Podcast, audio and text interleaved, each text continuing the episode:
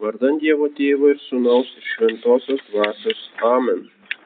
Rangus tikintieji, šis pirmasis sekmadienis po Velykų atvelikis yra taip pat Dievo gailestingumo sekmadienis.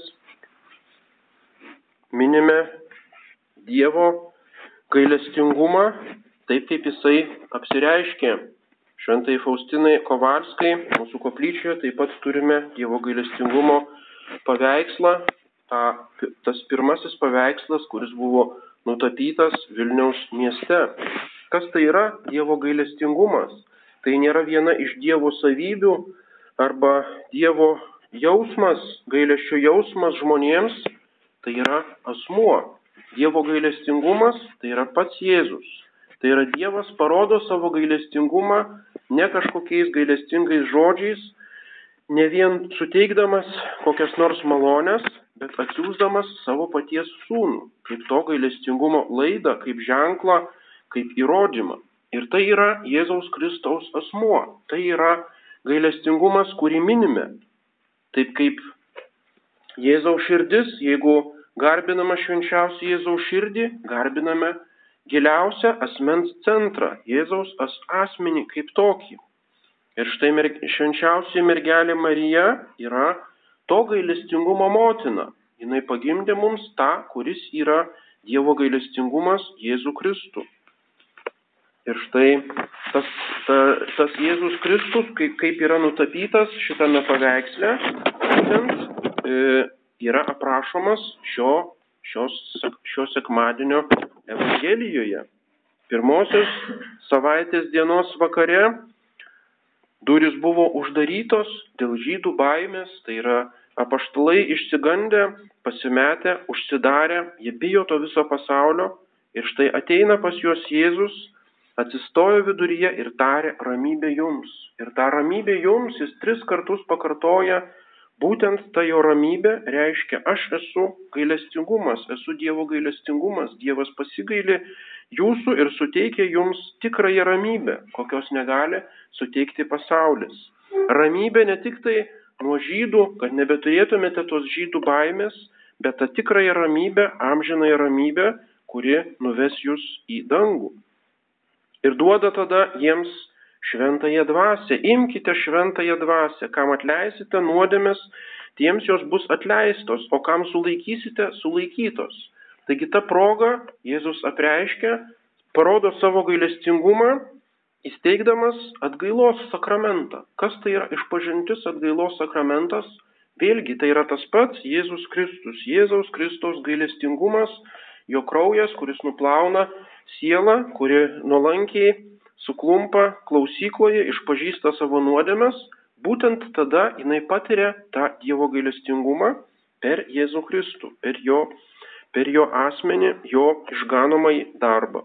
Ir tada žmogus būtent per išpažinti gali atgauti tą tikrąją ramybę ir jis išgirsta tuos žodžius - ramybė jums, ramybė tau, tikroji ramybė.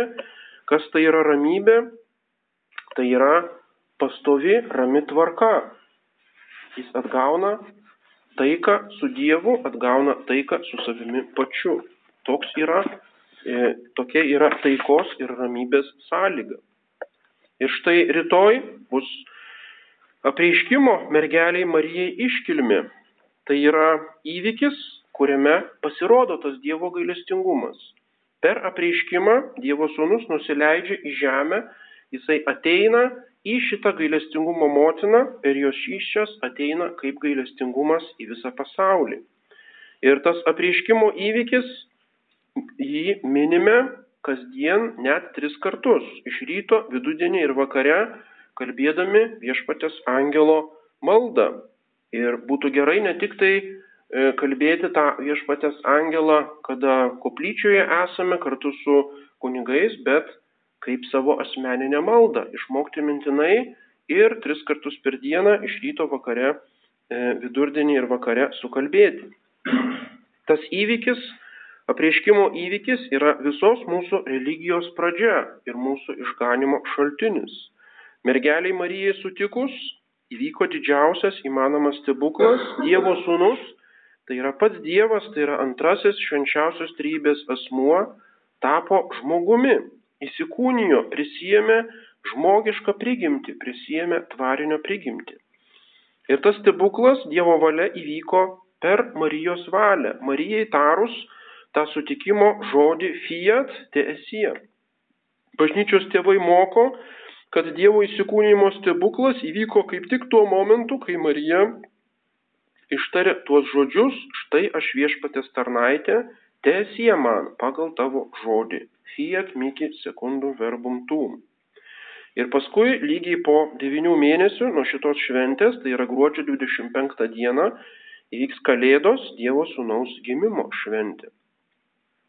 Ir koks yra nuostabus tas įsikūnymo įvykis, kuriuo pradedamas žmonijos išganimo darbas, kuriuo prasideda tas Dievo gailestingumo išliejimas visam pasauliui. Dievo sūnus įsikūnijo tam, kad taptų vienu iš mūsų Adomo vaiku, kad gyventų mūsų tarpe, kaip tos šventės skaitinyje minimas Emanuelis. Emanuelis reiškia Dievas su mumis. Išganytojas yra Emanuelis, Dievas, kuris pasirinko būti savo tvarinių tarpe. Jis tapo žmogumi, tapo žmonijos atstovu, kad žmonijos vardu atliktų išganimo auką, kad atsilygintų už žmonių giminės nuodėmis. Ir todėl tas išganimo darbas nuo pat pradžių yra nukreiptas prieš nuodėmę. Jis iškart paneigia tą kelią, kuriuo nuodėmė atėjo į pasaulį. Turime prisiminti, kaip skaitome pradžios knygoje, kaip įvyko žmonių puolimas. Pradžioje taip pat buvo angelas ir moteris. Tai yra puolęs angelas, tamsos angelas, velnės, žalčio pavydalu sugundė pirmąją moterį Ievą. Jisai klausėsi gundytojų žodžių ir tarė jiems teesie. Taip pat tarė fiat. Velnes kalbėjo Ievai, nebijok Ieva, Dievas netiesą sako, kad jūs numirsite, jei valgysite vaisių nuo uždrausto medžio. Jis sužadino Dievos puikybę. Jūs būsite kaip Dievas, žinantis, kas gera ir kas pikta. Savarankiškai, be Dievo galėsite spręsti, kas yra leistina, o kas neleistina.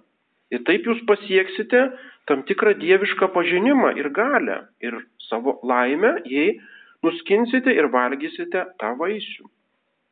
Jėva iš pradžių dvėjoja, panašiai kaip Marija apsiriškime, bet po to pamato, kad tas medis geras maistui, kad jis žavus akims ir žada duoti išminties Ir todėl skina tą vaisių pati valgo, duoda Adomui. Ir taip įvyksta nuodėmė, kuri atneša mirtį ir pražūtį į pasaulį. Ir paskui visi tie elementai, angelas ir moteris, nebijok, moterie, e, tas pirmas dvėjojimas ir paskui fiat, lygiai tas pats pasikartoja kaip veidrodyje, tik apverstų pavydalu būtent apreiškime. Nuodėmė sugriautos tvarkos atstatymas vyksta lygiai pagal tą pačią schemą. Šį kartą ateina šviesos angelas, Dievo pasiuntinys arkangelas Gabrielius. Jis taip pat sako, nebijok Marija, bet skatina ne Marijos Dievo baimingumo praradimą, kad nebijok tu Dievo elgis savarankiškai, bet atvirkščiai skatina ne Marijos puikybę, o jos neprilykstamą nuolankumą. Nebijok Marija, viešpats yra su tavimi, tu radai malonę pas jį Dievas taip pat siūlo kažką, e, tas angelas siūlo taip pat kažką nepaprasto ir dieviško, siūlo Dievo motinos garbę. Tačiau tai garbė e, išmintis gale ne prieš Dievą, o su Dievu. Visiškai kažkas kito, nei kad siūlė žaltys Dievai. Tikroji laimė ir išganimas yra ne žmogaus nepriklausomybėje nuo Dievo, kad pats žmogus rinktųsi, kas yra gera ir bloga, o visiškame pasidavime jam. Ir štai žaltys sako Adomui ir Dievai, jūs būsite kaip dievai.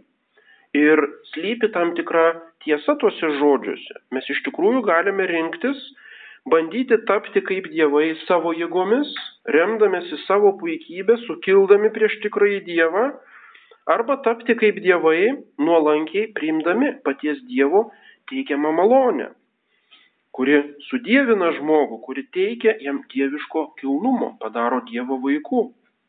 Ir štai vėl Marija lyg dvėjoja, užduoda klausimą, Bet išgirdusi apie nuostabų šventosios dvasios veikimą, apie nepaprastą būsimo kūdikio šventumą ir kilnumą, įsitikina, kad jis, vėl galime palyginti su tuo e, apsireiškimu Jėvai, yra žavus akims, kaip tas rojaus obolys buvo žavus akims, geras maistui, žada duoti išminties.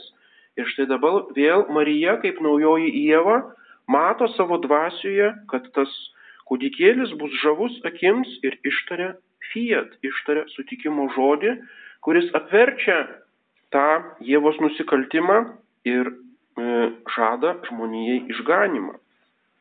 Taip nuolankioji mergelė ištaiso Jėvos klaidą, jinai pradeda mm, nuodėmės nugalėjimo kelią, pelno mums tikrąją laimę, kurios taip pat laimės ieškojo, bet klaidingų būdų ieškojo mūsų kūniška pramotė Ieva. Marija tapo naująją Ievą, mūsų dvasinę motiną, o Jėzus naujojų Adomų, atnaujintos žmonijos pradininku. Tad prisiminkime tą įsikūnymo stebuklą, vienikime su švenčiausios mergelės Marijos nuolankumu, kad ir mes savo širdimi galėtume priimti Dievo sūnų, kad leistume jam veikti mumise ir nuveikti kiekviename iš mūsų tą išganimo darbą, kuriam jis atėjo į šį pasaulį. Amen. Vardant Dievo Tėvo ir Sūnaus ir Šventosios Dvasios. Amen.